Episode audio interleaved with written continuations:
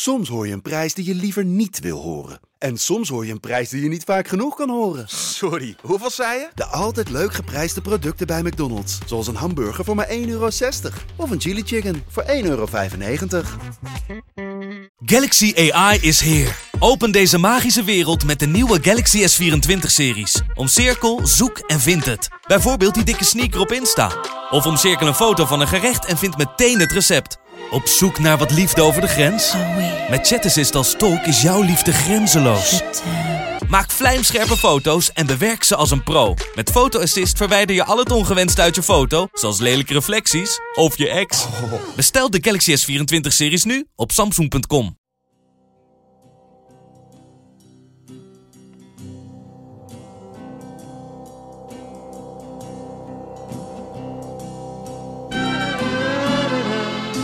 Die, die zwembroekje aan. En dan wordt het spannender. Misschien nog wel iets, eh, iets minder.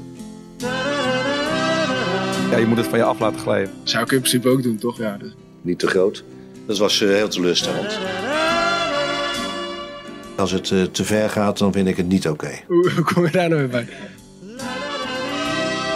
Ik lig daar niet meer zo wakker van. Hij heeft het vast niet gezien. Het enige is dat ik het jammer vind dat het allemaal zo gelopen is.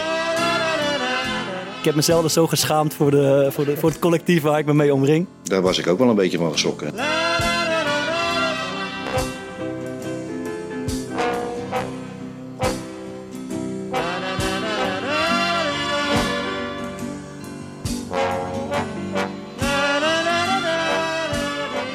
Het Core Podcast effect is niet onopgemerkt gebleven. In Rotterdam-Zuid hebben ze inmiddels kennis gemaakt met de doelpunten van Guus Til. En na de lofzang van vorige week aarzelde de voetbalbond van Irak geen moment om Cor Pot als assistent-trainer in te lijven. Dus ook in Bagdad zullen ze binnenkort bezwijken onder de charme van Cor. Vandaag doen we iets anders. We gaan de diepte in met de man die meestal andere mensen de diepte instuurt. Met de stratege van Ajax en het Nederlands elftal, Deli Blind. Deli, welkom. Dankjewel, dankjewel. Uh, leuk dat je bent. Je bent uh, net terug uit Oostenrijk, als ik me niet vergis. Ja, is dat uh, is zo'n voorbereidings- of trainingskamp iets waar jij van geniet? Nou, ik vind het wel altijd leuk om met het team op pad te zijn. Je groeit toch wat, ja, wat meer naar elkaar toe. je leert ook wat nieuwe spelers zo het beter kennen. Ehm, en het is altijd goed om, om ja, aan het systeem en, en alles te werken. Alleen, ja, de trainingen zijn wel, wel zwaar en pittig. Ja. En dat is wel iets wat wat me met de jaren wel iets meer met gaat tegenstaan. Maar ja, het hoort erbij en al met al is, is het altijd gezellig. Ik, Ik wij, heb echt een scheidhekel aan de voorbereiding. Jij vindt niks? Ja, ik heb dit, dit zijn twee, twee dagen aan, toen heb ik ermee gekapt. Gewoon letterlijk. en uh, niet, ik vond het echt niet leuk man, de voorbereiding. Ik, uh, ja, ik weet niet. Ik vind zo'n zo'n trainingskamp... Uh, ja, er zit ook wel een hoop gezellige momenten in eigenlijk. Het zijn ook een hoop loze uurtjes te doden. Het trainingskamp vond ik niet eens zo'n probleem, maar ik vond gewoon die... Ja, weet je wat was het, een week of zes of zeven en je speelt alleen maar oefenwedstrijden Ja. en je merkt heel erg je snakt. Ja. In het begin, iedereen vindt het leuk en dan na een week of zes is die basis bekend, is het ineens een stuk minder leuk. Ja. Ja, ik had er echt helemaal, eigenlijk helemaal niks mee. Wij, wij, uh, wij spelen de afgelopen trainingskampen voorbereiding uh, oneindig veel potjes Perudo. Ik ken dat spelletje met die dobbelsteen. Ik weet niet of jullie dit Hm. kennen. Ik vroeg me al, wat, wat doen jullie om de loze uurtjes te, te tackelen? Um, even dit trainingskamp, um, we spelen Avalon.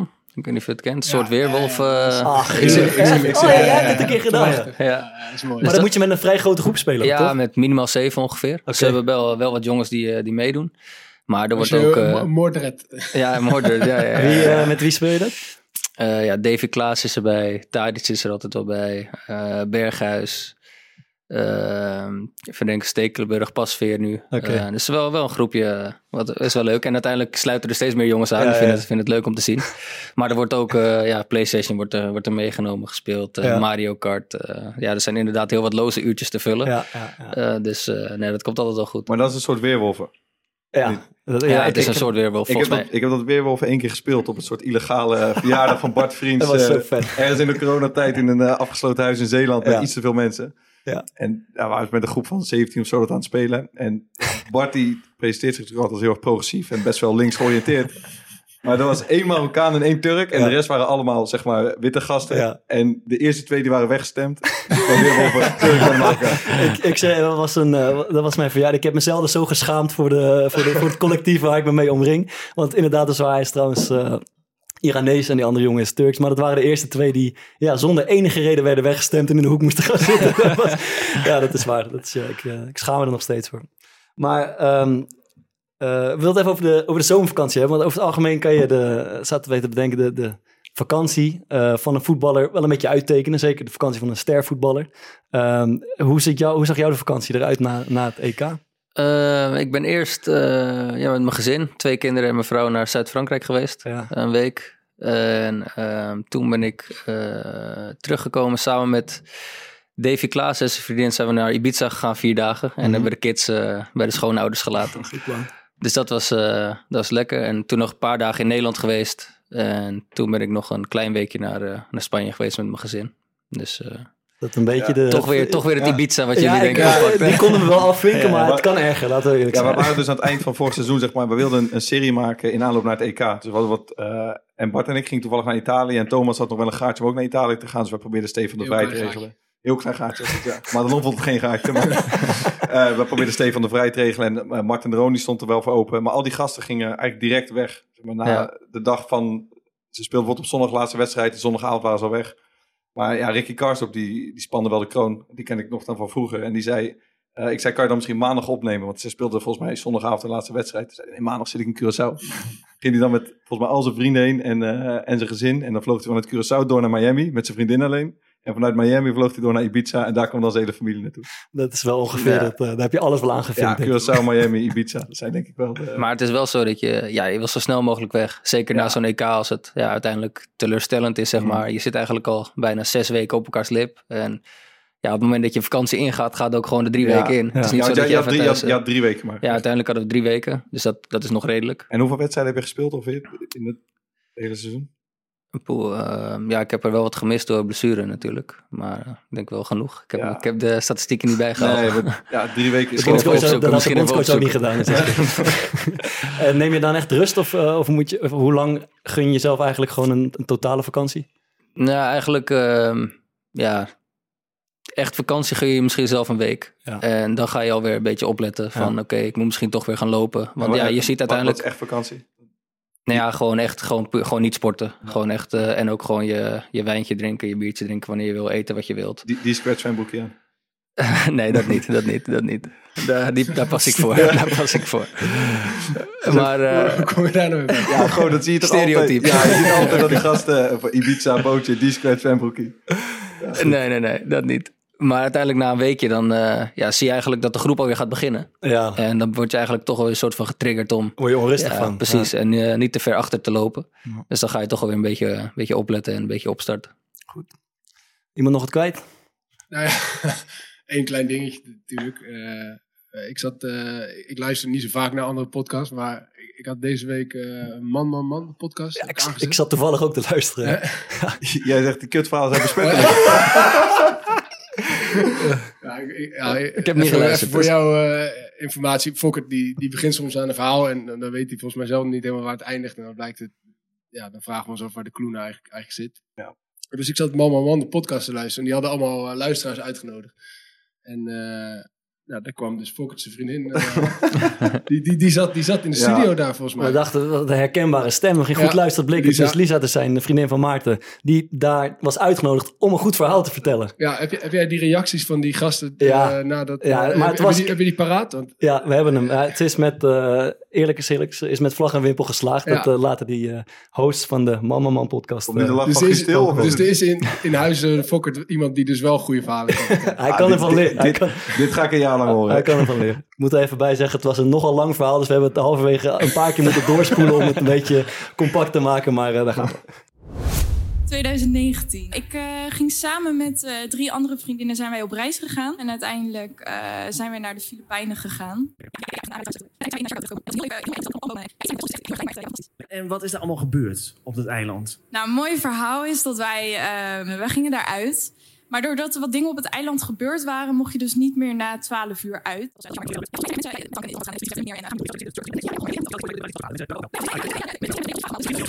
Maar goed, we hadden wat locals eh, ontmoet. Ja, we weten nog wel een leuk plekje. En rij maar achter ons aan op eh, de scooter. This is the life! Echt snel broek omhoog. Nou ja, en toen eh, op, op een gegeven moment de, de politie, die was erachter gekomen.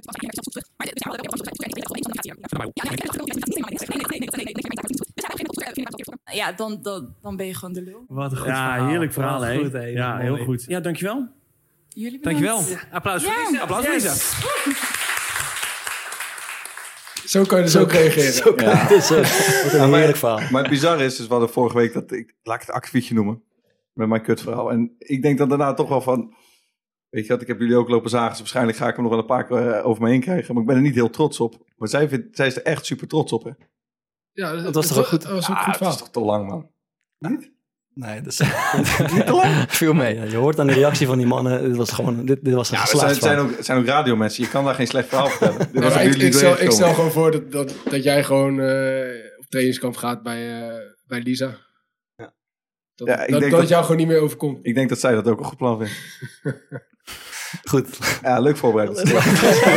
lekker, lekker gewerkt. Zie die Teddy Blind kijken, waar ben ik nou voor? Wat zijn dit voor gekken? Laten we het, eh, laten we voetbal hebben. Eh, over eh, de passing game. Het, iets wat, wat jou, eh, denk ik, misschien specifiek maakt als verdediger. Ehm, en dan vooral het uitstellen van de paas. Daar is een, een artikel in de correspondent over verschenen... waar we zo even op inkomen, op terugkomen. Maar ehm, eerst even het belang van, van een goede paas. Want ik, ik las in een interview dat één paas van jou... de specifieke bal op Robin van Persie die tot doelpunt wordt gemaakt... ja, jouw carrière een beetje heeft veranderd. Of zo zou je het toch kunnen zeggen? Ja, ik denk het wel. Ik denk dat eh, ja, dat toernooi, maar zeker die wedstrijd Ja. en eigenlijk die paas, die ja. Ja. ook nu eigenlijk elk eindtoernooi terug zal komen. Ehm, ja, dat heeft wel, denk ik, mijn, eh, mijn leven een beetje veranderd, ja. En ja, ik denk dat ik die wedstrijd eigenlijk, ja, bij, bij mij lukte bijna alles. Ja. Was, eh, was bizar. Ja. En dat hele toernooi zaten wel als Nederlands zelf al in een flow. Ja, waar ook een Arjen Robben die een beetje in vorm was. Bizar, ja. Maar ehm, ja, ik denk wat ik zeg, die, die paas heeft wel eh, ja, mijn naam eh, wereldwijd bekendgemaakt, denk ik. Ge- geloof je, eh, even een vraag die zomaar in me opkomt, maar geloof je, dat was onder Louis Vergaal natuurlijk ook, die wordt nu waarschijnlijk ook weer eh bondscoach. Denk, je- denk je dat je, als je eenmaal zo'n succes hebt gehad en hij gaat weg, dat het dan, dat het dan ook gewoon maar zomaar weer kan gaan gebeuren? Ja, dat zal moeten blijken, maar ik geloof daar wel in. Ik denk dat Van Gaal een trainer is die, eh, die heel goed weet wat hij wilt. Die, eh, die dat heel goed en duidelijk over kan brengen.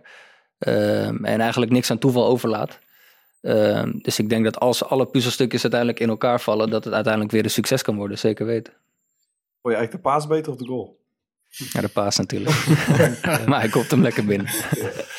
Hey, eh, wij zijn natuurlijk een beetje huistuin- en keukenspelers. eh, Sparta, Excelsior, AFC inmiddels. Werkloos. Eh, werkloos Ja, ja, zelfs. Eh, maar eh, ja, Manchester United, dat is zoiets wat... eh, moet, bij, bij mij moet het heel raar gaan lopen, wil ik dat ooit nog bereiken. Bij jullie gaat het vre- vrees ik ook niet meer gebeuren. Me- mediateam of zoiets.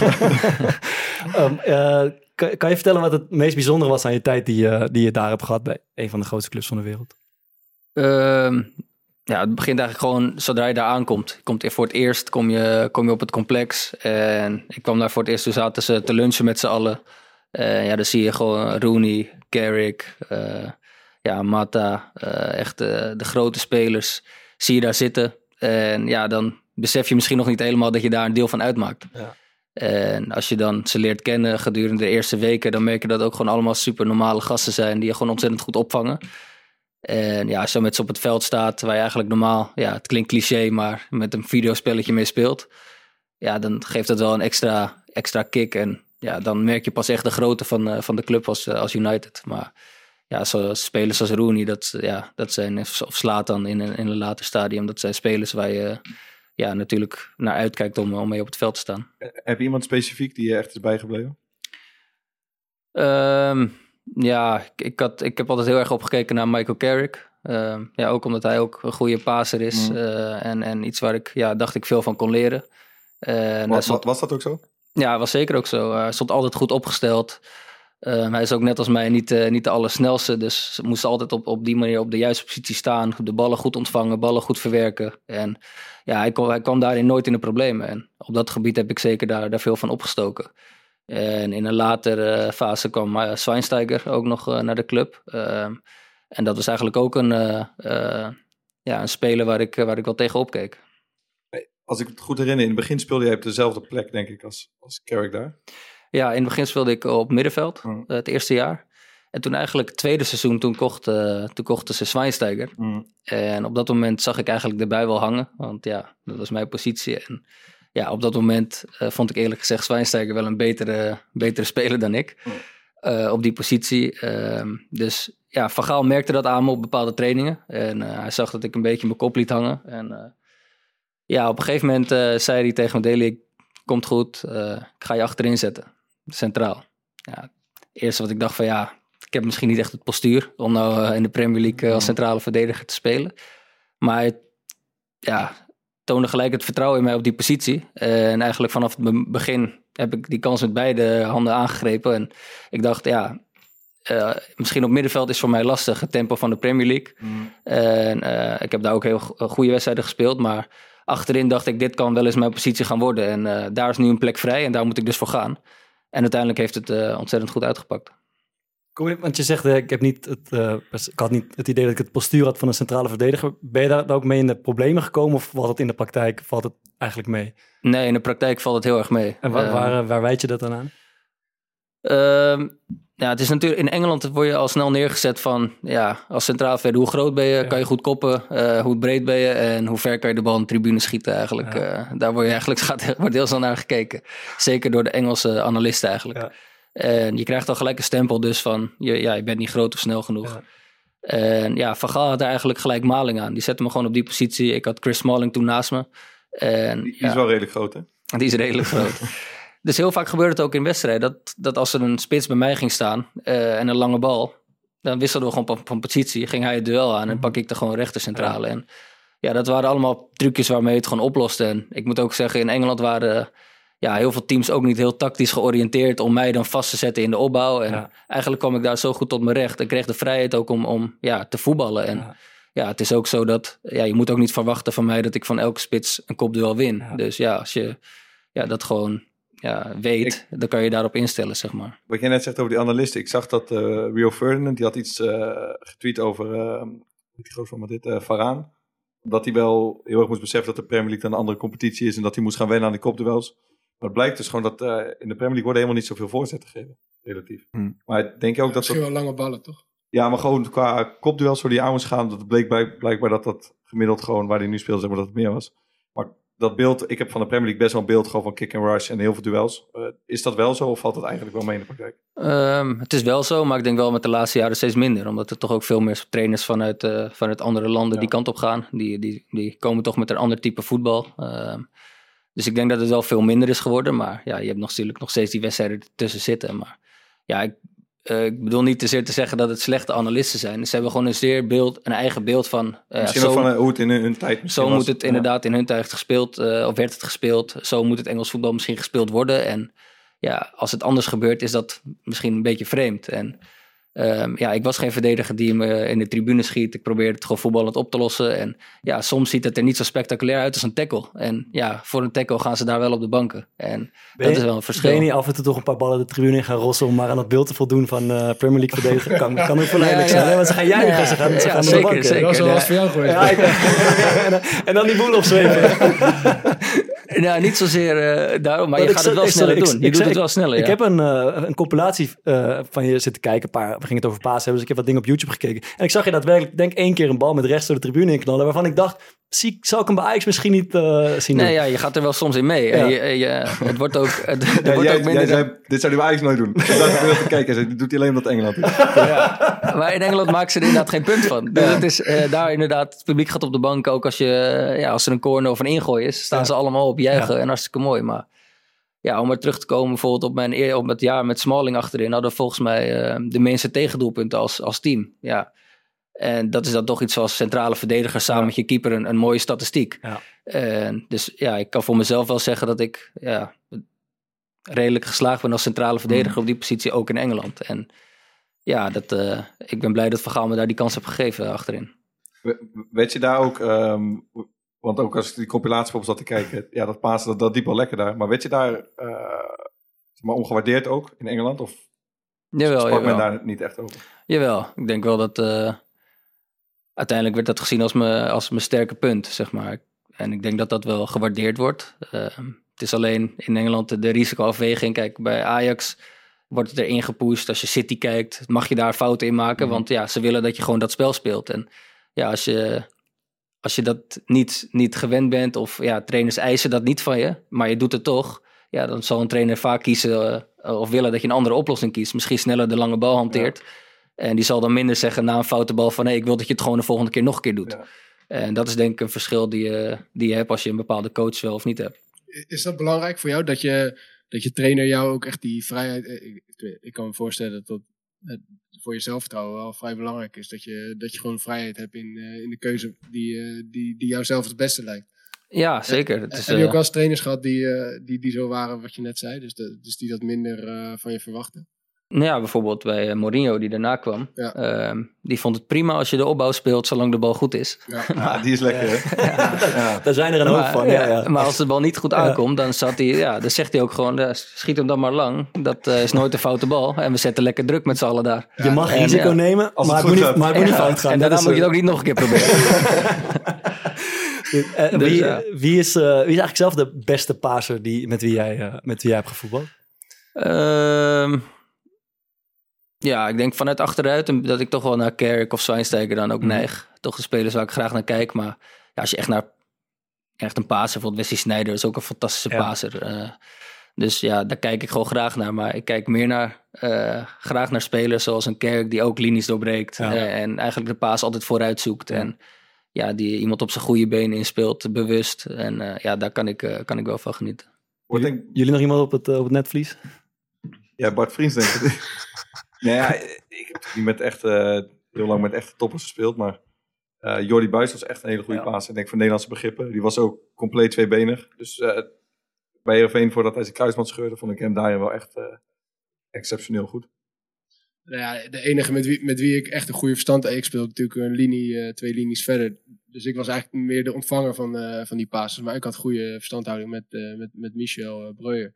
Die op het oog werd hij eigenlijk altijd weggezet als, als niet zo'n goede voetballer. Maar die beheerste dat spel wel. Die begreep precies wanneer die wel in moest dribbelen, wanneer niet. Wanneer die eh, kon wachten. En, en die kon ook best wel lang wachten. Dus dat was voor mij gewoon perfect. Want, dan, Ja. wa- wa- want ik wist op een gegeven moment, dan gaat de tegenstander kiezen. En dan, eh, dan kom ik vrij. En dat wist hij ook van mij. Dus dat is wel, dat is wel belangrijk dat je zo iemand... eh, Ja, en- en net zoals dat het voor jou waarschijnlijk ook belangrijk is dat er, een- dat er een speler is die hem op het laatste moment nog wel altijd even verwacht. Ja, ik heb het nu vooral met Klaassen natuurlijk. Als hij op middenveld speelt of Tadic, die kan ik altijd goed vinden. Dus ja, je hebt ook ja, een klik nodig met iemand die, die Ja. weet wanneer die ballen kan ontvangen inderdaad. Dat is met Bart ook het probleem bij Sparta en niemand loopt Ja, vrij. dus dan gaat hij altijd weer naar Janne centraal. En ik En blijf, blijf ik wel. pro- blijf hem proberen, maar eh, ze komen niet. Ja, lekker. Nee, Uitzellen, uitzellen bij het bekje. Je voet op een paar meter. eh, het, is, het is voor mij één grote leerschool vandaag. Maar Maar ik, ik denk dat, dat, is, eh, dat het best wel onderschat wordt hoe eh, belangrijk dat is in je team. Dat je dat hebt, zeg maar, dat, je, dat, dat samenspel. Dat je, Ja, maar ik denk dat het ene het gevolg is van het ander. Maar daar komen we misschien zo op terug. Maar het feit dat eh, een verdediger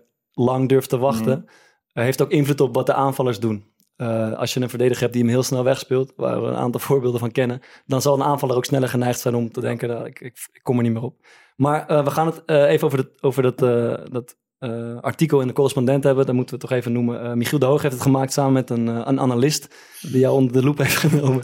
Het artikel heet, eerst was Delay blind een scheldnaam en nu is, een, nu is het een eretitel. Thomas, jij hebt het gelezen.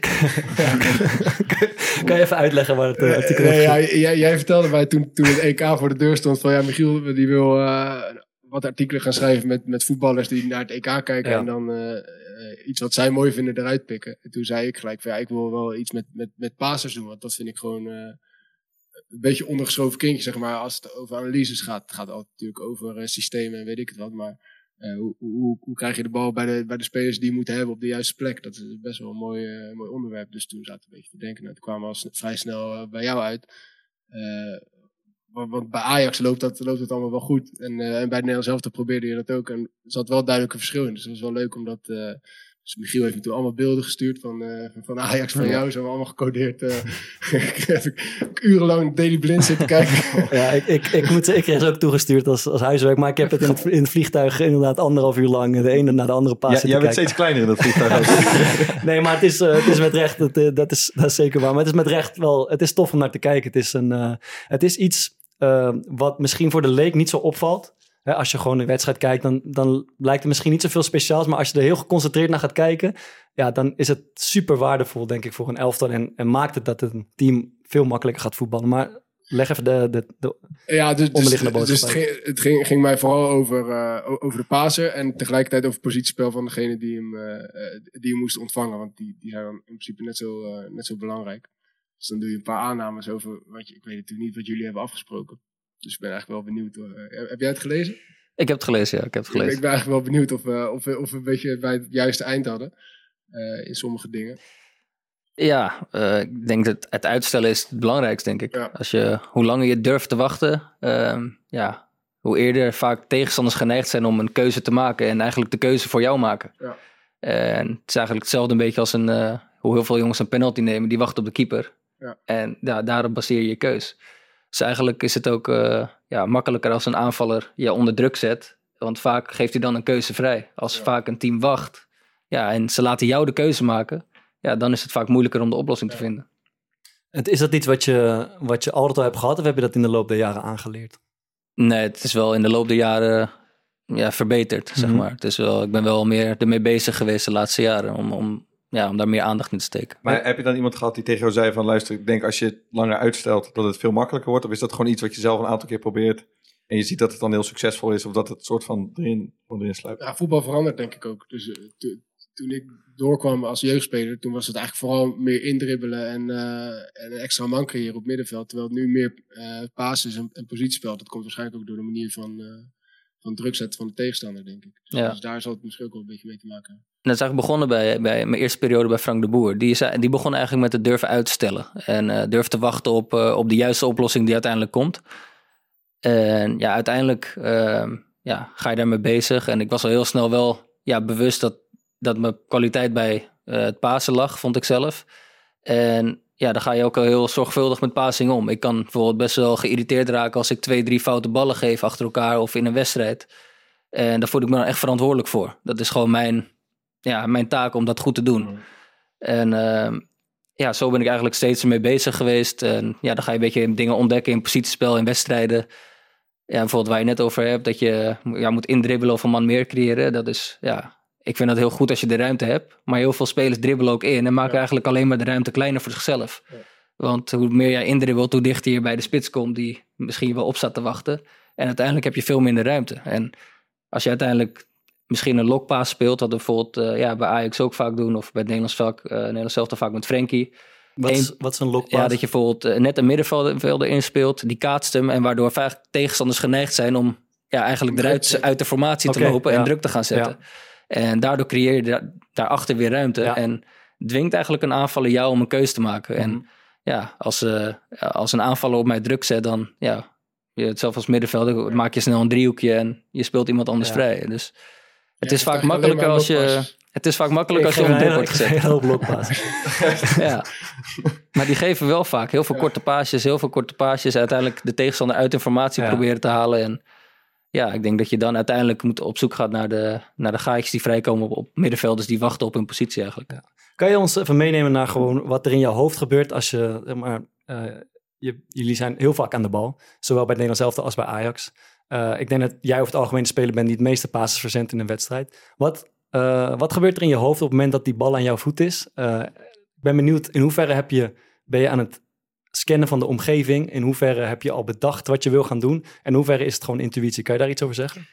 Ehm, ik probeer wel altijd mezelf ja, heel veel ruimte te geven om, om de bal te ontvangen. Dus eh, ja, als centrale verdediger heb je ook vaak wel eens dat bijvoorbeeld een buitenspeler Ja. ook op jou druk wil Ja. zetten. Als je het groot maakt. Ja, Ja. Dan probeer ik gewoon eigenlijk veel meer naar die andere centrale toe te bewegen. En helemaal in het centrum van, de, van het veld te komen. Zodat eigenlijk de buitenspeler al denkt van... Ja, dat is eigenlijk te ver voor mij. Ja, dus dan geef je jezelf, eh, door van die buitenspeler af te lopen, geef je jezelf extra wel veel meer ruimte te geven. En ja, daarna ehm, heb je, weet ik wel al bijvoorbeeld waar een Davy of een Tadic ongeveer is en waar ik naartoe wil. Eh, maar daarna komt ook een stukje intuïtie gewoon, eh, gewoon erbij kijken. Ja. Ik, ik heb mezelf wel altijd geleerd om. eh, mijn vader zei altijd: je moet open draaien. Eh, want ja, je kan altijd terugkappen. De keeper kan je altijd inspelen. Mhm. Dus ja, Ja. als je niet open draait, dan weet je ook niet of je daar überhaupt opties hebt gehad om vooruit te spelen. Ik heb er genoeg gezien de laatste jaren die het daar niet mee eens zijn hoor, dat je open moet draaien. Dus eigenlijk heb ik mezelf een soort van aan te leren om altijd ja, met je gezicht naar het veld toe te komen en, en dan een keuze te maken. En ja, word je onder druk gezet, afkappen en kan je altijd terug. Ja, ja het, het lijkt. ehm, eh, kijk, volgens mij, een wat, laten we zeggen, 90 of 80 procent van de verdedigers doet. eh, op een gegeven moment ben je aan de bal en dan wordt het spannender.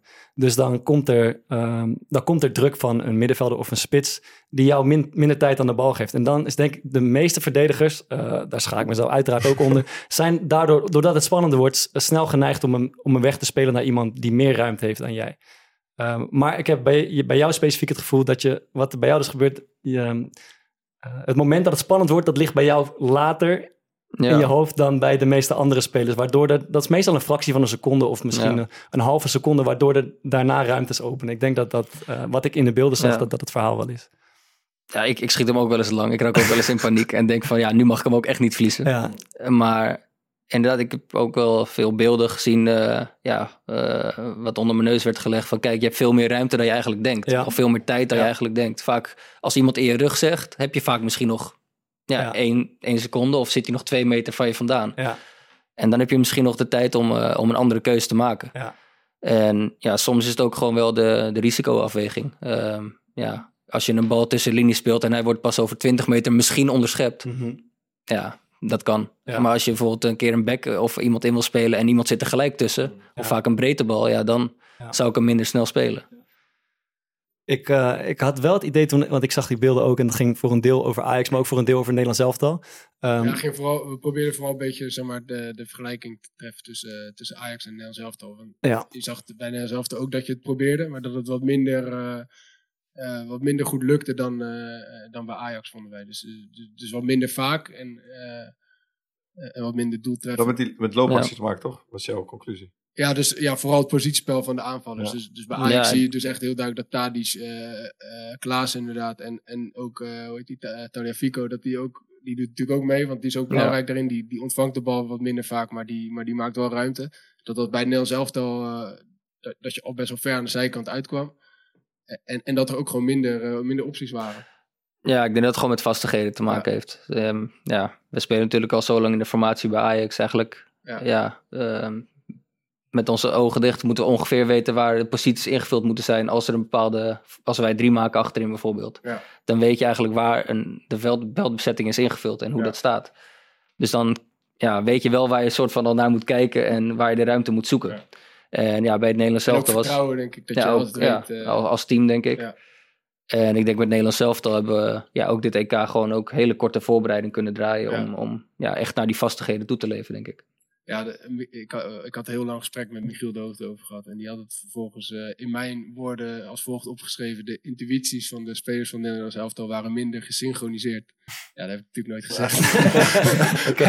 Heb kon- je wel idee wat hij ermee bedoelt? nou ja, de- de- dus, dat ze, dus, dus dat, zeg maar, in dat vrijlopen, dat is ook gewoon gedeeltelijk wel denk ik op intuïtie. Want eh, eh, als ik naar mezelf kijk ook, van ja, je zoekt je, zoekt je ruimte en je, en je weet niet altijd wat de tegenstander doet. Zeker als de tegenstander minder goed is dan dat jij bent, dan spelen ze misschien wat minder georganiseerd. Ja. Maar doen ze wel dingen die je niet, die je niet verwacht. Dus, dus dan heeft dat ook wel met, eh, met intuïtie te maken, zeg maar, dat vrijlopen. En, maar dat moet wel op elkaar afgestemd zijn. Dus de ene moet wel zorgen dat hij niet eh, de, de andere zijn ruimte dichtloopt, zeg maar. Dus dat hij bij iemand anders in de weg loopt. Dus ik denk dat het daarmee... eh, ik denk, dat- ja, dat is maar wel ik denk wat, dat het ook goed is wat jij net zegt. Van als eh, spitsen weten dat ze gezocht worden, eh, dan maken ze wel die loopacties. En Ja. als ze op een gegeven moment na twee, drie ballen denken van ja, ik krijg hem toch niet. Ja. Ja. dan blijven ze staan en daardoor lopen ze misschien ook weer een gat. eh, of lopen ze niet vrij, waardoor iemand anders vrij komt Ja. misschien wel, weet je. Ja, ik Dus ik denk denk dat, als ik het... Dat is een afwisseling. hoe ik ernaar, hoe, als ik het zo kijk, dan denk ik, wat jij voor, je, voor, voor jezelf creëert, jij specifiek, is dat het misschien eventjes spannender is, maar daardoor krijg je uiteindelijk meer opties. Ja. Eh, omdat je dus net iets langer wacht, eh, liggen er, ligt er net een lijn extra open waar jij eh, in kan spelen. Tenminste, ik denk dat dat ook het spel van Ajax en het Nederlands elftal daardoor sterker maakt. Jij zei over, ik las dat, die, dat het in het EK niet zo, niet zo uit de verf kwam. Eh, per 90 minuten liet Daley Blind in de groepsfase gemiddeld 20 passes noteren die een medespeler vonden in de laatste 30 meter van het veld. Alleen Tony Kroos deed dat vaker in de groepsfase van het toernooi. Dus dat was niet slecht. Dat was hij zo. Maar, eh, Hij is middenvelder, hij staat nog dichterbij. maar eh, één, één, eh, wat de kanttekening is, eh, bijvoorbeeld de laatste wedstrijd tegen eh, Tsjechië, als ik, niet, als ik me niet vergis. Ehm, daarin lijkt het alsof de tegenstander ehm, zich daarop heeft ingesteld en oh, jou, jou neutraliseert, waardoor dit niet uit de verf komt. Is dat, heb je dat ook zo ervaren? Ja, maar ja, dat gebeurt niet alleen tegen Tsjechië. Je ziet het Ja. steeds vaker dat ploegen, eh, niet alleen bij mij, maar ja, bij, bij de voetballende spelers dat Ja. gewoon vastzetten. Ja. Zou ik in principe ook doen, toch? Ja, dus, Ja. dat is wel logisch. ja, maar je gaat zelf ook op zoek naar de, gewoon waar, je, waar je weer de ruimte kan krijgen en de bal kan ontvangen. Maar dat is inderdaad soms wel lastiger, waardoor je minder aan de bal komt. Ja. En eigenlijk dan ook minder in je spel. Ja. Dus, ja. Wat is, wat is voor jou de, de ideale paas? Welke geef je het allerliefst? Ehm, Waarvoor als je hem hebt gespeeld, dat je denkt van dit is precies wat ik, eh, wat, wat ik wil zijn als speler. Ja, ik denk als ik hem ja, in de as krijg opendraaien en dan iemand echt strak tussen de linies inspeel. Of Laag, ja. ja. laag Ja. over de grond. Of vanuit het midden over de grond tussen twee, drie man door bijvoorbeeld. En, Ja. eh, en uiteindelijk ook nog op het goede been bij iemand. Mhm. Ja. Dat is natuurlijk eh, ja, het, het leukste vind ik eigenlijk, die, die uitdaging. En ik vind het ook leuk om soms als centrale, soms doe je net alsof je hem naar de back speelt en dan speel je hem tussendoor. Ja. En daarna doe je het eigenlijk andersom, omdat je ziet dat hij je door heeft. En dat spelletje is gewoon leuk om te spelen, zoals Ja. met, eh, met een buitenspeler. Ja. Maar je zegt het is leuk. Ik vind het leuk. Je zegt het is leuk om te spelen alsof je dat op de PlayStation doet. Maar dit is wel. eh, Nee, ja, ik- er, ik kijken, speel- er, er zitten wel 50.000 man te kijken naar. En je speelt nou net op een, eh, in een linie waarin het cruciaal kan zijn. Dat die bal wel goed is, toch? Ja, tegen Macedonië bijvoorbeeld wilde ik hem naar de back spelen. En ja, had hij me door. En ja, toen moest... nee, dat is kut. Vijf- Ja. 25.000 man er nu dan op de tribune met Ja. corona. Maar ja, dan moet je terug. Maar ja, als ik... eh, ik lig daar niet meer zo wakker van. Ja. Als, ik, eh, als ik die paas niet meer ga geven, dan zou ik mezelf meer druk maken. Zeg maar. Ja. Ik, ik kan me nog goed herinneren, Bart, jij was vorig jaar een tijdje eh, geblesseerd geweest. Misschien heeft hij ook wat tegen jou verteld, Toon. En hij speelde zijn eerste wedstrijd weer, dat was tegen, eh, tegen Ajax. En ik zat die wedstrijd te kijken en ah, hij had het niet. En het was gewoon na 25 minuten was hij helemaal leeg. En op een gegeven moment eh, sprak ik hem na de wedstrijd en toen zei hij van ja, ik was 20, 25 minuten helemaal kapot. En dan krijgt op een gegeven moment, merk jij zelf dat je even twee meter te ver naar buiten staat. En dat blind, of het was Martinez wat de bal, eh, zei hij achterin. Maar dan denk je, hij heeft het vast niet gezien. En dan nog niet naar binnen gaan, boem, lag die bal er al achter. En zag je weer, was hij weer te laat dat bij de eerste eh, paal. dat is, mensen vragen me wel eens, eh, ja, het is toch vet hè, tegen, tegen Feyenoord spelen of tegen Ajax spelen in de arena. Zeker en dan probeer ik uit te leggen dat het eigenlijk meestal niet heel vet is. eh, om dit specifieke geval. Want er, er zijn momenten dat je, eh, dat is inderdaad waar, er zijn momenten dat je voelt als organisatie of als verdediging. Het klopt niet helemaal. Het staat nu net niet helemaal goed. Eigenlijk laat ik twee meter te veel liggen. En dat wordt tegen heel veel clubs eh, niet afgestraft. Maar uitgerekend tegen Ajax en Arena, dan zal je altijd eh, met dit soort spelers te maken hebben die precies voelen dat daar een, een, een zwakte in de defensie zit. En hop, daar ligt ja, tering zo, moet ik weer eh, 30 Ja. meter terug. Eh, dat is waar, ja. Dat, Maar dat is wel zo. Soms heb je inderdaad het gevoel van het staat goed. En ja, ja. die ballen, met- ja, precies, komen op. En soms heb je in de wedstrijd van, oh, ja. Dit, dit gaat lastig worden, zeg maar. En dat, dat, is wel, dat herken je wel heel snel, denk ik. ja, ja, ja. Je, je, je zegt net van, ja, dat je ook verantwoordelijk voelt als het twee, drie keer fout gaat. Een bal achter, eh, achter elkaar die je inlevert bijvoorbeeld. Doet dat, doet dat iets met je? Nou, nu niet meer zo. Maar ja, in het begin wel. Eh echt in het begin van mijn carrière, als je een paar keer foute bal speelt, dan speel je toch al op safe. En dan ga je misschien een paar keer die bal achteruit spelen, waar je misschien wel vooruit kan spelen. Mhm. En ja, nu maak ik me er tijdens de wedstrijd niet meer zo druk om, maar ja, ik word er wel zagrijnig van, zeg maar. En thuis, eh, ja, als ik dan eh, bel ik mijn vader altijd even na de wedstrijd en dan, eh, dan hebben we het erover en dan zegt hij het ook, ja, drie keer slordig, dat of vier keer. En zegt hij, ja, oké, kan gebeuren. En ja, weet je, maar dan ben ik er zelf eigenlijk nog geïrriteerd over. Ja. Maar eigenlijk speelt dat niet meer door naar een volgende wedstrijd of, eh, of naar een nieuwe training of zo. Dat Of het, kan ik nu het gaat vooral om het volgende moment, denk ik. Dus, dus het gaat twee of drie keer fout. En eh, Ja, nee, ook- in, in, in heel veel in mijn geval ook, dan ben ik eerder geneigd om. eh, Nou, nog steeds. Als ik twee, drie ballen fout speel Ja. achter elkaar, dan ga ik niet de derde ook nog spelen. Dan doe ik even een paar keer simpel en dan Ja. ga je dan weer op zoek naar een beetje vertrouwen om die bal wel te spelen Ja, ja, ja. natuurlijk. Dus zo gaat het altijd. Kun, je nog herinneren waar dat kantelpunt ergens zat, die carrière, dat je eh, dus daar niet meer echt door beïnvloed werd?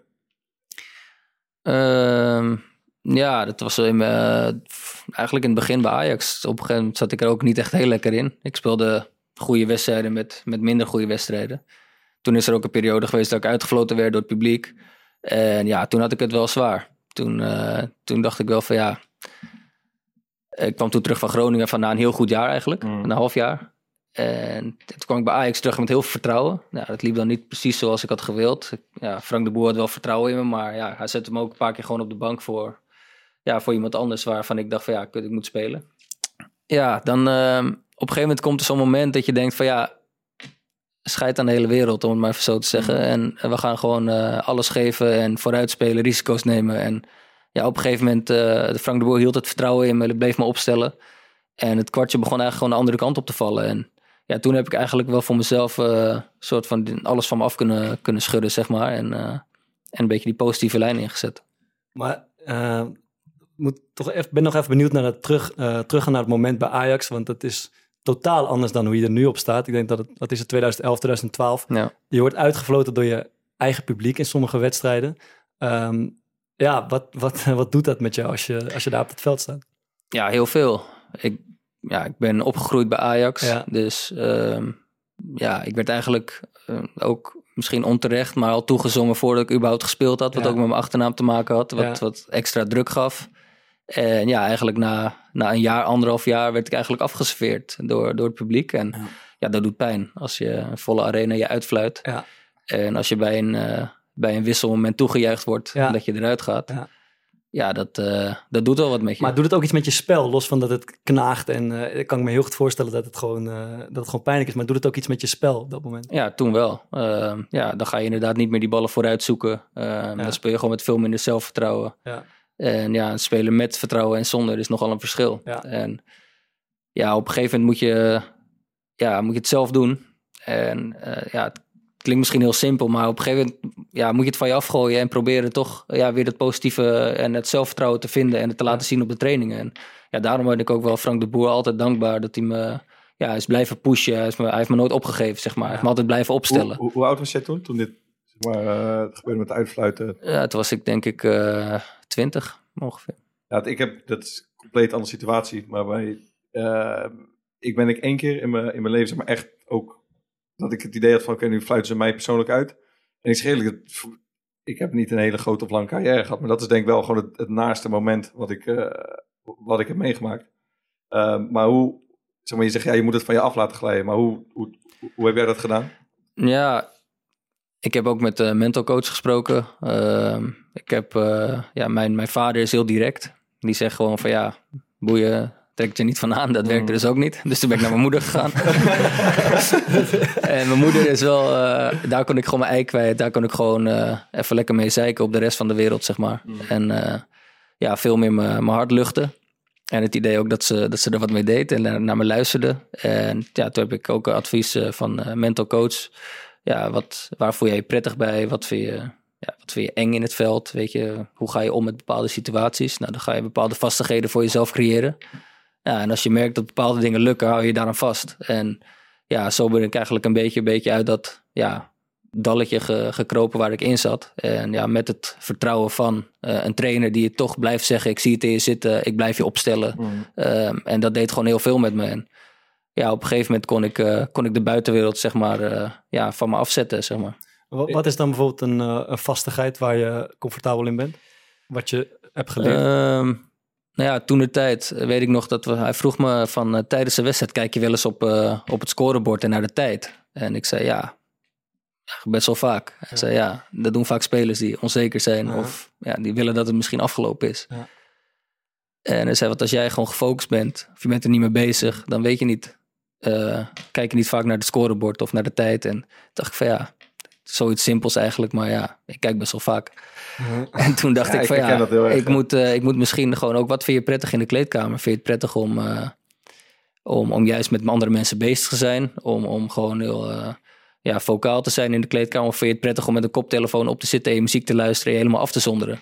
En dat deed ik dus altijd. Ik zat altijd mijn koptelefoon op. Ik zat me af te zonderen van, van de rest. soort van te concentreren, gefocust. Terwijl ik eigenlijk alleen maar op mezelf was inpraten. Het moet goed gaan vandaag. Het moet Mm. goed gaan. Ik moet dit doen. Ja, dat werkt alleen maar averechts. En eigenlijk, als je eh, goed voorbereidt op een wedstrijd, dan op de, wedstrijd van, op de wedstrijddag zelf ben je al voorbereid. Dan, ja, dan hoef je niks meer te doen. Je bent al ja, ingesteld op de wedstrijd. Je hebt je al klaargestoomd. Dus toen dacht ik van ja, misschien werkt dat voor mij ook gewoon niet om alleen maar in mezelf, in mijn eigen wereld te zitten. En toen ben ik eigenlijk in de kleedkamer gewoon veel meer ja, praatjes gaan maken met anderen, met de fysio, met eh, gewoon heel ontspannen eigenlijk naar een wedstrijd toe leven. En ja, dat bracht me ja, veel meer vertrouwen eigenlijk naar een wedstrijd toe en veel minder wedstrijdspanning. Lukt dat dan gelijk of is het in, in het begin dan een beetje soort van fake it till you make it? Dat je net doet of je ontspannen bent terwijl je het eigenlijk niet bent? Nou ja, tuurlijk gaat het in het Ja. begin met stappen. Het, ja, het gaat niet van, van, eh, van het een op andere moment Oh. dat je dat hebt. En ja, het is ook niet zo dat ik van een op ander moment alleen maar goede wedstrijden heb gespeeld. Maar wat ik zeg, het, het, het vertrouwen eh, van de trainer met daarin de, de dingen die ik zelf ontdekte. eh, ik denk dat dat mezelf veel, veel gebracht heeft. Heb je dan ook wel eens een trainer gehad die eh, na een verloren pot bijvoorbeeld zei van ja, je moet, je moet, het is veel te los voor de wedstrijd, de sfeer en je moet je veel meer focussen. Heb je dat wel eens gehad? ik, heb, Ehm, ik heb er namelijk wel... Ja, ik, ik zit nu eigenlijk. Altijd nu ben ik heel, ik ben heel rustig in, voor de wedstrijd nu, maar ik speel altijd eh, Candy Crush voor de wedstrijd. Speel ik altijd. Gewoon, ik speel het nooit, maar alleen voor de wedstrijd. Maar dat is een soort, eh, en dat is soort als ik bijgeloof dan toch, bijgeloof Ja. geworden eigenlijk een beetje. En dus toen in het begin ook eh, ja, bij Ajax, toen zeiden de fysio's tegen mij, ja, ik wil geen telefoon op de, op de, op de massagetafel. zei ik, ja, sorry, het is mijn voorbereiding. Ja. En een trainer die kan ook graag van eerst op zijn telefoon van, ja, en zo, ja, sorry, maar je moet toch eigenlijk doen wat je zelf prettig vindt. En uiteindelijk spreek je dat ook uit en dan vinden ze het prima. Maar ja, je hebt wel eens te maken met anderen die denken van... hé, hey, wat ben je nou aan het doen op je telefoon? En, Maar het is ook niet zo dat ik twee minuten voordat ik naar buiten ga... nog eh, berichtjes zit te sturen of zo, weet je. Dat is, eh, dat is wat anders. Ja, want je, nog even terug op wat je net zei. Want je besprak met die mental coach. In eerste instantie ging je eh, dingen ontdekken die je eng vond op het veld. Wat is daar bijvoorbeeld een, een voorbeeld van? Ehm, ja, toch eigenlijk gewoon puur de angst om, om, om fouten te maken. Om, om weer eigenlijk dat gefluit te horen. Ja. En ja, je, je zal zelf misschien ook een keer gemerkt hebben... als je een paar keer niet lekker in de wedstrijd zit... dan is het lijntje met die supporters ook veel dunner wat ze accepteren. Mhm. Je hebt weinig krediet op een gegeven moment. Ja. En ja, een één foute voorzet of een bal die... eh, ja, bijvoorbeeld een buitenspeler diep gaat... en jij speelt hem naar hem in de voeten en dan gaat over de zijlijn. Ja. Ja. Dat zijn gewoon dingen waar je dan toch een keihard mee geconfronteerd wordt. En wat toch zeker niet helpt eh, voor je zelfvertrouwen. En Ja. waar het publiek eigenlijk vol erop klapt. En er zijn toen wel momenten ook geweest dat ik ook... eh, ja, het klinkt misschien gek, maar we zaten dan voor de Champions League speelden. Bijvoorbeeld moesten we in de line-up staan. En ik was helemaal zat eh, met die supporters op dat moment. En ik dacht van, ik klap ook niet meer voor jullie ook. En toen eh, ben ik eigenlijk gewoon sindsdien ook in mijn eigen wereld van... oké, het gaat gewoon om jezelf. Je staat er gewoon, ja, je voetbalt uiteindelijk gewoon voor je, ja, voor je team, voor jezelf, voor je eigen prestaties. En uiteindelijk heb ik dat met, met al die tools die we eigenlijk net een beetje besproken eh, hebben... ja, een plek kunnen geven en ja, vooruit kunnen gaan. Dus dat, dat, dat, dat stoppen met klappen, dat, was, dat is een soort erkenningsmoment van... ehm, ja, ik heb, ik heb ook eigenlijk niet zoveel met die mensen te maken die over mij fluiten, maar het gaat om Ja, mijn eigen... eigenlijk wel, ja. Sorry dat ik je onderbrak, wat wij zeggen. Ja, ik, ik vind het wel belangrijk om te benadrukken. Want je, ehm, eh, ik vind echt dat je het super mooi uitlegt. Maar dat is echt volgens mij een hartstikke lastig proces. Om eh, van weet je wat, de trainer houdt vertrouwen. En ik moet daar gewoon eh, mee doorgaan en blijven proberen. Maar wat, ja, ik heb het heel lang geprobeerd. Maar mij, ik ben daar gewoon niet, niet echt uitgekomen. Op een hele geslaagde manier. Dat ik het echt zeg maar los kon laten. En, maar de trainer hield er geen vertrouwen. nee, dat is zo. Ja, ik denk Ja, ik ben er de ook niet meer uitgekomen. Dat- Maar ik denk dat het wel een rol speelt. Kijk, Ja. een trainer die je gewoon veel vertrouwen in je uitspreekt. Ja, dat, en, en die eigenlijk ondanks eh, het publiek je toch blijft opstellen Mhm. en, en eh, het eerst ziet zitten. Ja, dat heeft me echt wel ontzettend veel geholpen. En Ik vind het wel want voor mijn gevoel, vertrouwen moet toch uit jezelf komen? Althans... Ja, maar dat is niet voor iedereen.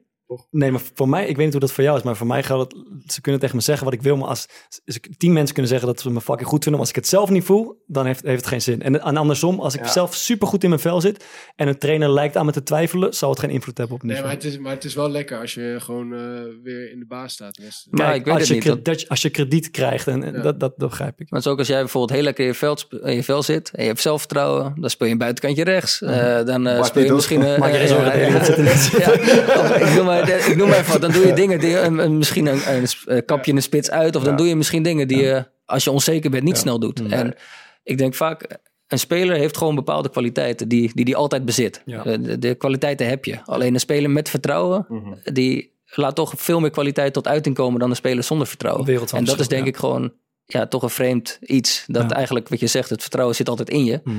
Maar toch op een bepaalde manier komt het ja, pas naar buiten als je het ook echt voelt, zeg maar. Eens, ja. Wil jij, wil jij nog iets leren eigenlijk? Over vertrouwen? Nee, of- nee ik bedoel, wil jij Ah. als, als voetballer nog, eh, nog een... Ja, eh, nog dacht, iets ik extra ga nog een schoolmeester Ja. zijn, Eh, over ga voetbal. ik, ga ik je eens even uitleggen. nee, ik bedoel, wil jij, wil jij nog, eh, want je bent denk ik 31, 31, ja. Wil jij nog, eh, is er nog iets in het voetbalspel waarvan je denkt, ah, hier kan ik nog wel een goede stap vooruit in zetten, ondanks mijn leeftijd? Ja, ik kan nog genoeg leren. Hadden het eh, net over onze trainer Ten Hag, zeg maar. Eh, ik vind het nog sneller bepaalde tactieken herkennen van een tegenstander Mhm. bijvoorbeeld. Om het zelf misschien ook ja, in een wedstrijd eh, ja, een keer om te kunnen zetten. Om een beslissing te kunnen maken. En Ja. Het lijkt me ook leuk om na het voetbal daarmee bezig te zijn. Om eh, ja, meer op tactisch gebied ook dat, eh, dat soort dingen allemaal op te steken. Mhm. En echt op, ja, op voetbalgebied blijf je jezelf natuurlijk nog ontwikkelen. Op het goed staan van posities, eh, verdedigend. het aanvallende spel. Je blijft jezelf natuurlijk op de training altijd proberen beter te maken. Ik zit, ik zit nu voor, even voor naar dat eh, rubriekje. Ik, zat- ik, ik zat eh, even na te denken over, eh, over deze aflevering van tevoren. En toen bedacht ik ineens dat eh, onze vriend Roy Kortsmit. Die had, nog, die had nog een mooie anekdote. die heeft hij denk ik wel tien keer verteld aan de lunchtafel bij Sparta. Dat hij, hij was volgens mij één keer of zo, of twee keer is uitgenodigd voor Nederlands elftal onder 23 zo, of onder 19. En toen zei hij van ja, toen zat ik daar en, en toen kwam al gelijk. Hij zegt, ik was helemaal alleen, ik, had, ik kende niemand. En, ja, en, en gelijk de, in de eerste minuut eh, komt er iemand naar me toe. eh, die zegt, hey, wil, je, wil je ruilen van kamer? En hij zegt, ik heb het gewoon gedaan. En, toen kwam ik met eh Daily Blind op de kamer. hij zegt, heel het weekend geen woord met elkaar gewisseld. kan je nog? Even factchecken. Kan je nog Ik kan- oh, nee, nee, ja. Weinig indruk gemaakt, denk ik. is toch mooi. Die stories even doen.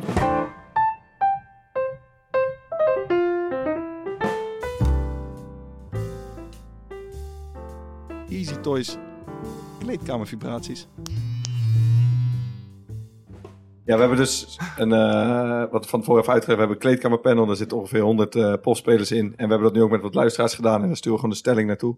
Dus het ging deze week over, over uitfluiten. En ja, wat op zich nog wel grappig was, eh we hadden gevraagd of, of het oké is als speler, eh, als je wordt uitgefloten, of je dan reageert op het publiek. Bijvoorbeeld Sier. Mhm. Ik heb, toen ik met hem weer speelde, was er wat gezeik mee, weet ik nog. Ja. Bij Ajax ook wel eens gehad. Maar wat, wat denken jullie dat voetballers zelf vinden? Mag je reageren of niet? Ik denk dat ze vinden dat ze mogen reageren. Oké. Ik denk het ook wel. Ja, 70-30. Dus Mhm. vond ik nog wel, eh, wel redelijk. En verder was het kleedkamerpanel niet zo heel interessant dit keer. Maar vooral het, het woonkamerpanel. ehm, ja, dat zijn natuurlijk gewoon fans. Eh, dus daar hadden we ongeveer dezelfde vraag aangesteld. Van, heb je wel eens een speler van je eigen ploeg uitgefloten? Nou, wat, eh 70% heeft wel eens iemand van zijn eigen ploeg uitgefloten. Vond ik vrij Dat is nog laag, vind ik. Ja. Eh, vind je het oké dat spelers van je eigen ploeg worden uitgefloten? 70% vond het wel prima. Eh, vond het wel oké. Ehm, en maar ze vond het ook oké als dan spelers reageren. 85% vond dat wel prima. Oké. Als daarop gereageerd wordt. Maar je had wat, wat reacties. En iemand reageerde ook wel, eh, ja, denk wel een redelijk Mhm. typische supportreactie. Helemaal als een speler een grote mond heeft of veel betaald wordt, vind ik dat hij wel mag worden uitgefloten. Dus, eh, wel duidelijk. En ander was objectief en van een afstandje vind ik het eigenlijk niet oké om individuele spelers uit te fluiten. Je bereikt er vrij weinig mee, maar sommige spelers maken het je wel erg lastig. En zodra ik door de poorten van het stadion kom, gaan er ook nog eens automatisch 15 punten van mijn IQ af. En met mij duizenden anderen. Dan ga je wel eens over je eigen fatsoensnorm heen. ik denk eigenlijk dat dat misschien ook wel het meest is. Toch dat het gewoon heel emotioneel is en mensen hebben gezopen. En, Ja, en anoniem. En het is anoniem. Ja. Nee, kijk, je mag best eens fluiten, vind ik. Maar het is anders als je, of je het één keer eh, doet in een bepaalde wedstrijd. Of Ja. het komt wekelijks terug. Ja, en dat, dat is wel, eh, dat is wel verschil. een verschil, vind ik. Ik vind het, eh, ja, het, het stomme aan het fluiten is dat je, het, het heeft geen enkel doel. Ik Nee. Het gemeenschappelijke doel wat je hebt is dat het beter gaat Ja. met die specifieke speler of met je team. Maar fluiten werkt, Het is niet constructief, het, het heeft nog nooit iemand beter gemaakt. Ja. Let, het gaat alleen maar slechter. Maar er waren ook best veel reacties dat mensen ja, ik ben er in principe tegen. Maar in sommige gevallen kan het echt niet anders. Ja, dat is natuurlijk even simpel. Maar vind jij het, eh, vind jij het oké als een... Nee, ik vind het echt... eh, Ik vind het- Ja, ik, ik vind het echt een ernstig Vlamen.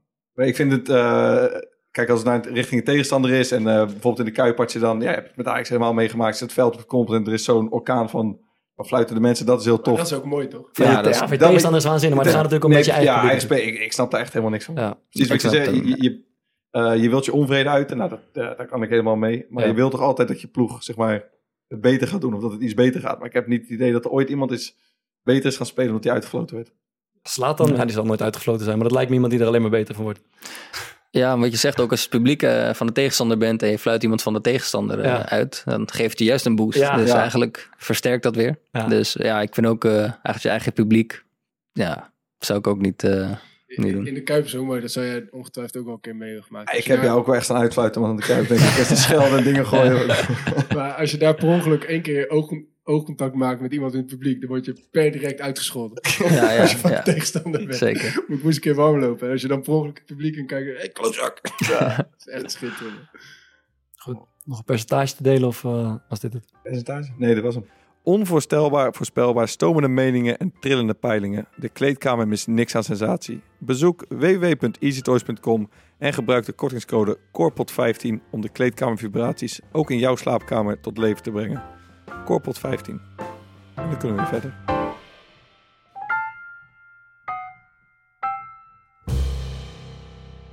Eh we hebben een paar, twee of drie weken geleden in onze podcast... eh, we, we halen vaak een interviewtje aan van een, eh, van een sporter of iets anders. Hm. En we hebben het interview van jou tijdens het, tijdens het EK even aangestipt.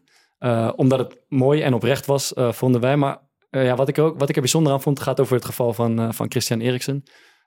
is dat je er een, een aanbeveling in stopt. Namelijk dat je, dat je mensen vraagt, pers, supporters, journalisten Mhm. vraagt... om eh, niet te speculeren over de toekomst van, eh, van Eriksen. Ongetwijfeld met, met je eigen verhaal eh, in je achterhoofd. Ja. Waarom vond je dat belangrijk om te benadrukken? Ehm, ja, eigenlijk een beetje ook aangeeft wat ik ja, zelf ook het een en ander meegemaakt in die, Ja. in die richting. hartproblemen. En ja, ik weet nog toen, toen ik eigenlijk, het was net gebeurd. En volgens mij, ja, de dagen daarna was het eigenlijk steeds een item bij Fox Sports, eh, bij VI, noem maar alle praatprogramma's van voetbal eh, die er zijn. En toen eigenlijk bij Fox Sports eh, kwam toen een, ja, een, een, een hartspecialist in de studio Ah. aan de telefoon. Ja. Of, ja, en ze mochten allemaal vragen stellen. En eigenlijk was de conclusie dat ik nooit meer mocht voetballen. En dat ik eigenlijk moest stoppen. En ja, dat het voor mij gewoon een over- en uit situatie zou zijn. En daar zat je naar te kijken? Of dat, dat Ik keek het gewoon, ja. En ja, dan beseffen hun niet wat het met mij doet misschien. Ja. Ja. ik ben, vind ik zelf redelijk mentaal sterk. Ja. Het triggerde mij alleen maar om te laten zien van... luister, wacht maar hoe snel ik terug ben. Mhm. Eh, maar ze beseffen ook niet dat... ehm, hoeveel andere clubs kijken ernaar die, waar jij misschien nog ooit een stap wil maken. Ehm, hoeveel clubs of spelers van jouw teamgenoten die denken van... oh, eh, het is klaar met die jongen. Ja. Of eh, we moeten misschien als club op zoek naar al iemand anders. Of, ehm, ja, en uiteindelijk, wat doet het met mij? Waar ze over na moeten denken. Eh, wat doen ze met mijn carrière en als persoon? En ik denk dat ze daar gewoon heel voorzichtig mee moeten zijn. Ja. Ik denk dat ze... Zo'n arts die, die daar in de studio komt... die zal ongetwijfeld heel veel weten over, over hartsituaties. Maar hij weet niet mijn dossier. Hij kan dus ook niet weten wat er precies met mij aan de hand was. En ja, of ik wel überhaupt wel niet eh, zou kunnen voetballen. Ja. Of sporten überhaupt. Ja. En ja, dan vind ik het eh, ja, frappant eigenlijk dat zo'n iemand die eigenlijk ja, vrij hoogbegaafd is, denk Ja, ik, ja, ja, eh, ja. zulke beslissingen maakt om dat soort dingen op tv uit te roepen. En Ja. ja, ook nog is het eigenlijk de journalisten daar, of de analisten daar zo vol op ingaan. Ja. En daar heb ik me eigenlijk ook aan gestoord. Ja, het zijn vooral, het probleem vooral dat het eigenlijk wel autoriteit is op dat gebied. Dus op het moment dat hij zoiets zegt, dan... het Mensen nemen dat voor waar. Ja, ja, Ja. tenminste, als ik zoiets zie en ik zie een cardioloog zoiets zeggen, dan denk je ook van, ja, hij, hij Ja. weet wel waar hij het over heeft, denk je dan. Ja, precies. Maar ze weten inderdaad mijn dossier niet. En dan krijg ik een beetje altijd het gevoel van eh, bij de analisten of journalisten, of die dan zo snel mogelijk, ja, wie is het eerste? Wie gaat het Ja, eerst naar buiten ja, brengen? ja. En, en daar stoor ik maar. Wie komt eigenlijk met feiten?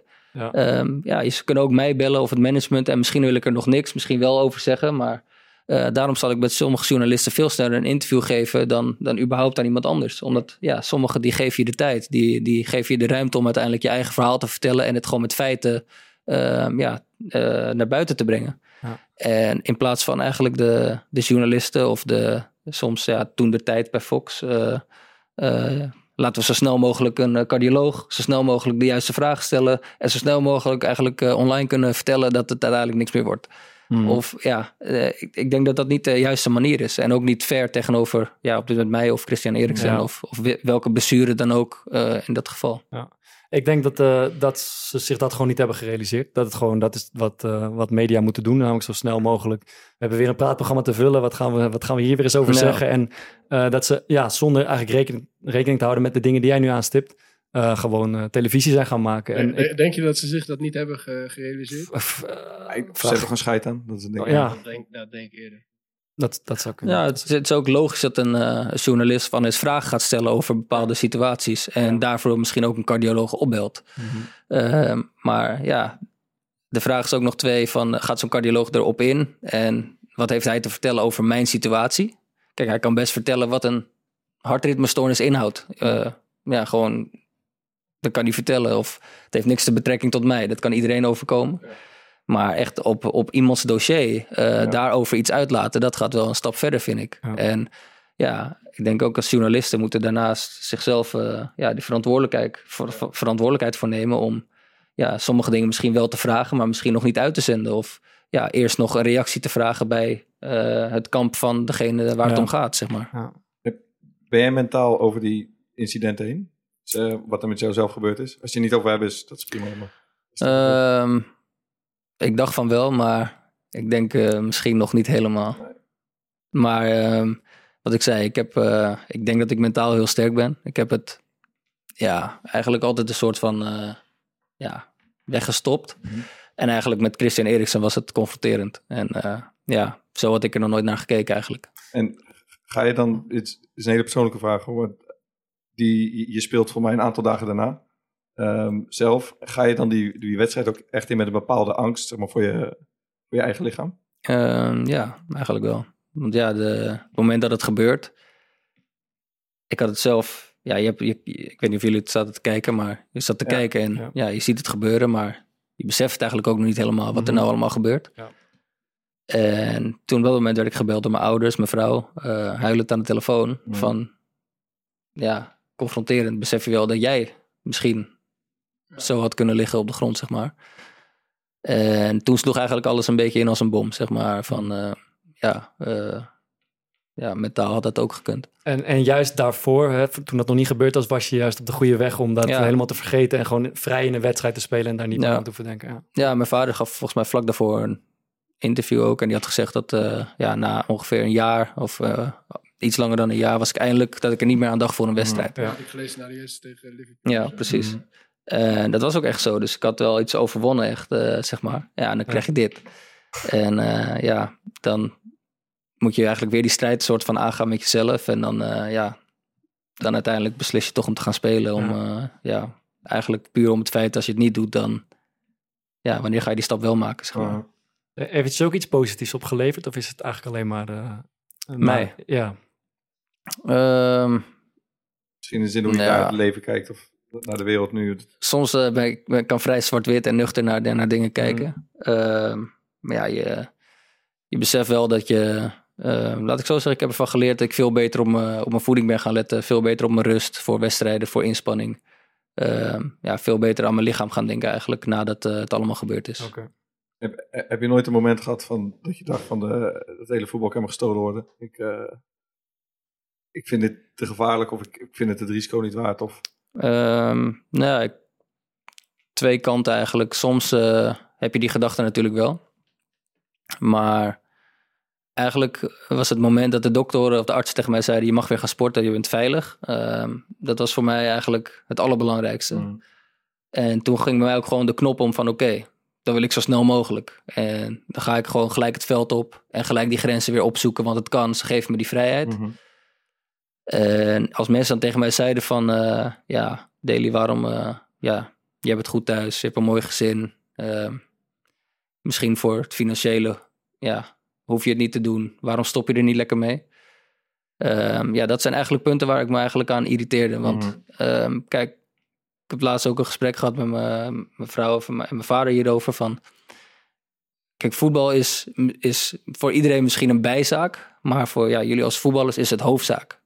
En op dat moment is dit nu, voetbal is hoofdzaak in mijn leven. En dat ben ik nog niet bereid om op te geven, zeg maar, als het niet hoeft.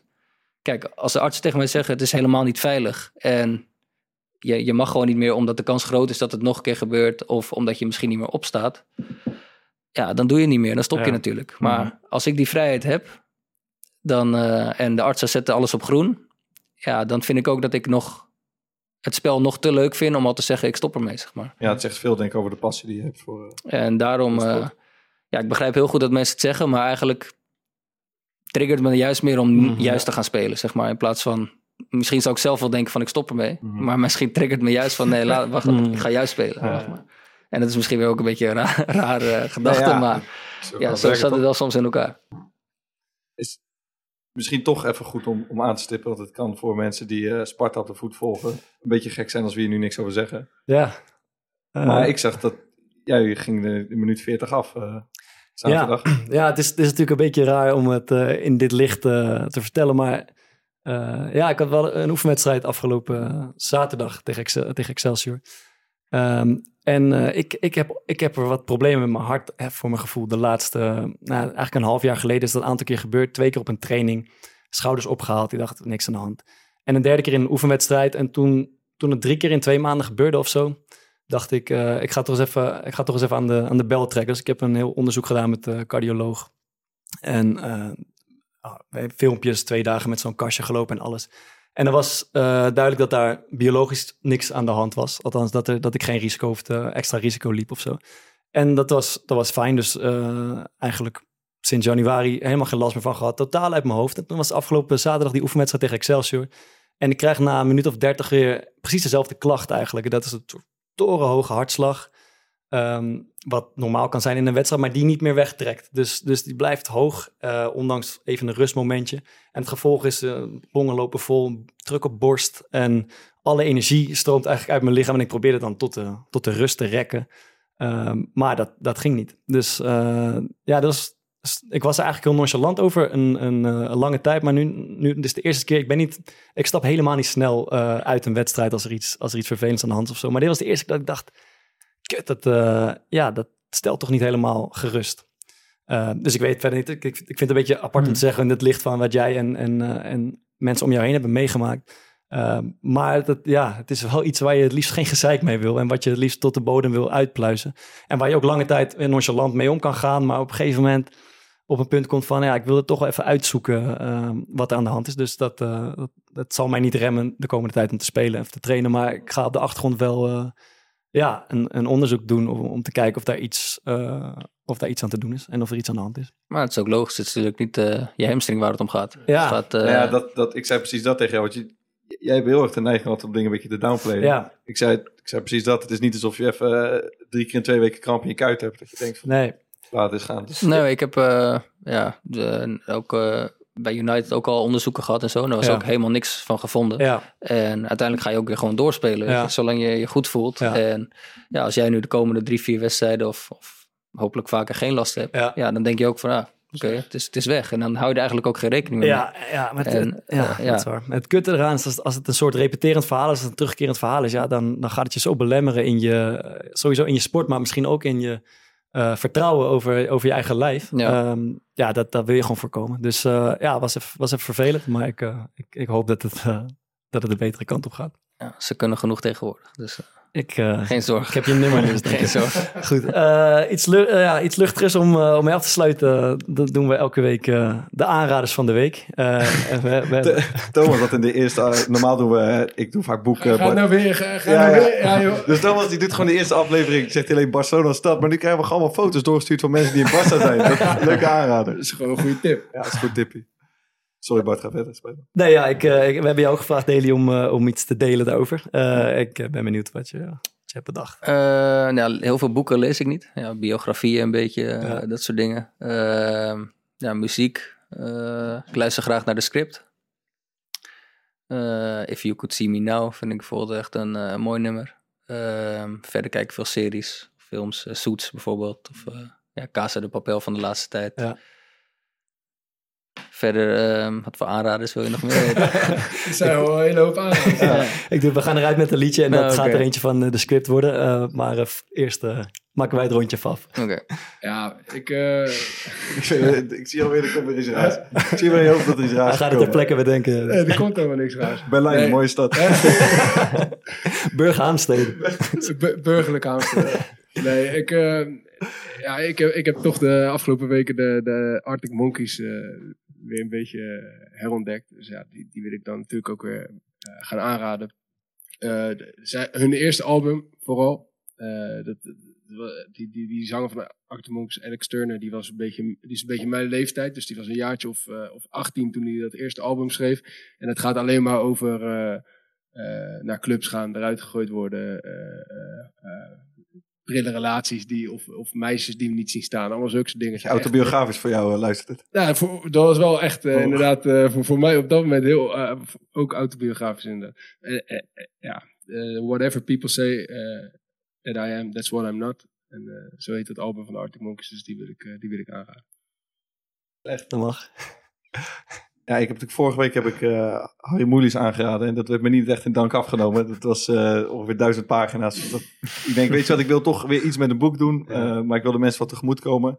En er is tegenwoordig een, een trend gaande dat veel klassieke boeken en ook gewoon goede boeken, nieuwe boeken, die worden dan eh, ook gemaakt als graphic novel. Dus het is gewoon een, een mooi soort luxe stripboek en het leest wat makkelijker, maar dan krijg je wel het verhaal mee. Ja. Dus ik heb bijvoorbeeld eh, Sapiens van eh, Harari is de eentje die ik heb. De Max Havelaar is eh, uitgebracht tijdje terug.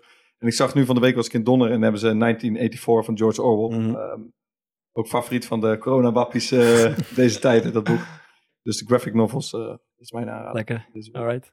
Eh, ik wil mensen aanraden om naar andere tijden sport te kijken. Thomas, jij moet het zeker kijken. Royston Drenthe speelt daar een, eh, hoofdrol in afgelopen week. Ik, eh, ik heb het vorige week gekeken en, en gek genoeg werd het gisteravond weer uitgezonden. Ik heb eigenlijk gewoon nog een keer gekeken als precies dezelfde aflevering. Maar ze, ze, interviewen Royston waar hij nu zit in, in Murcia.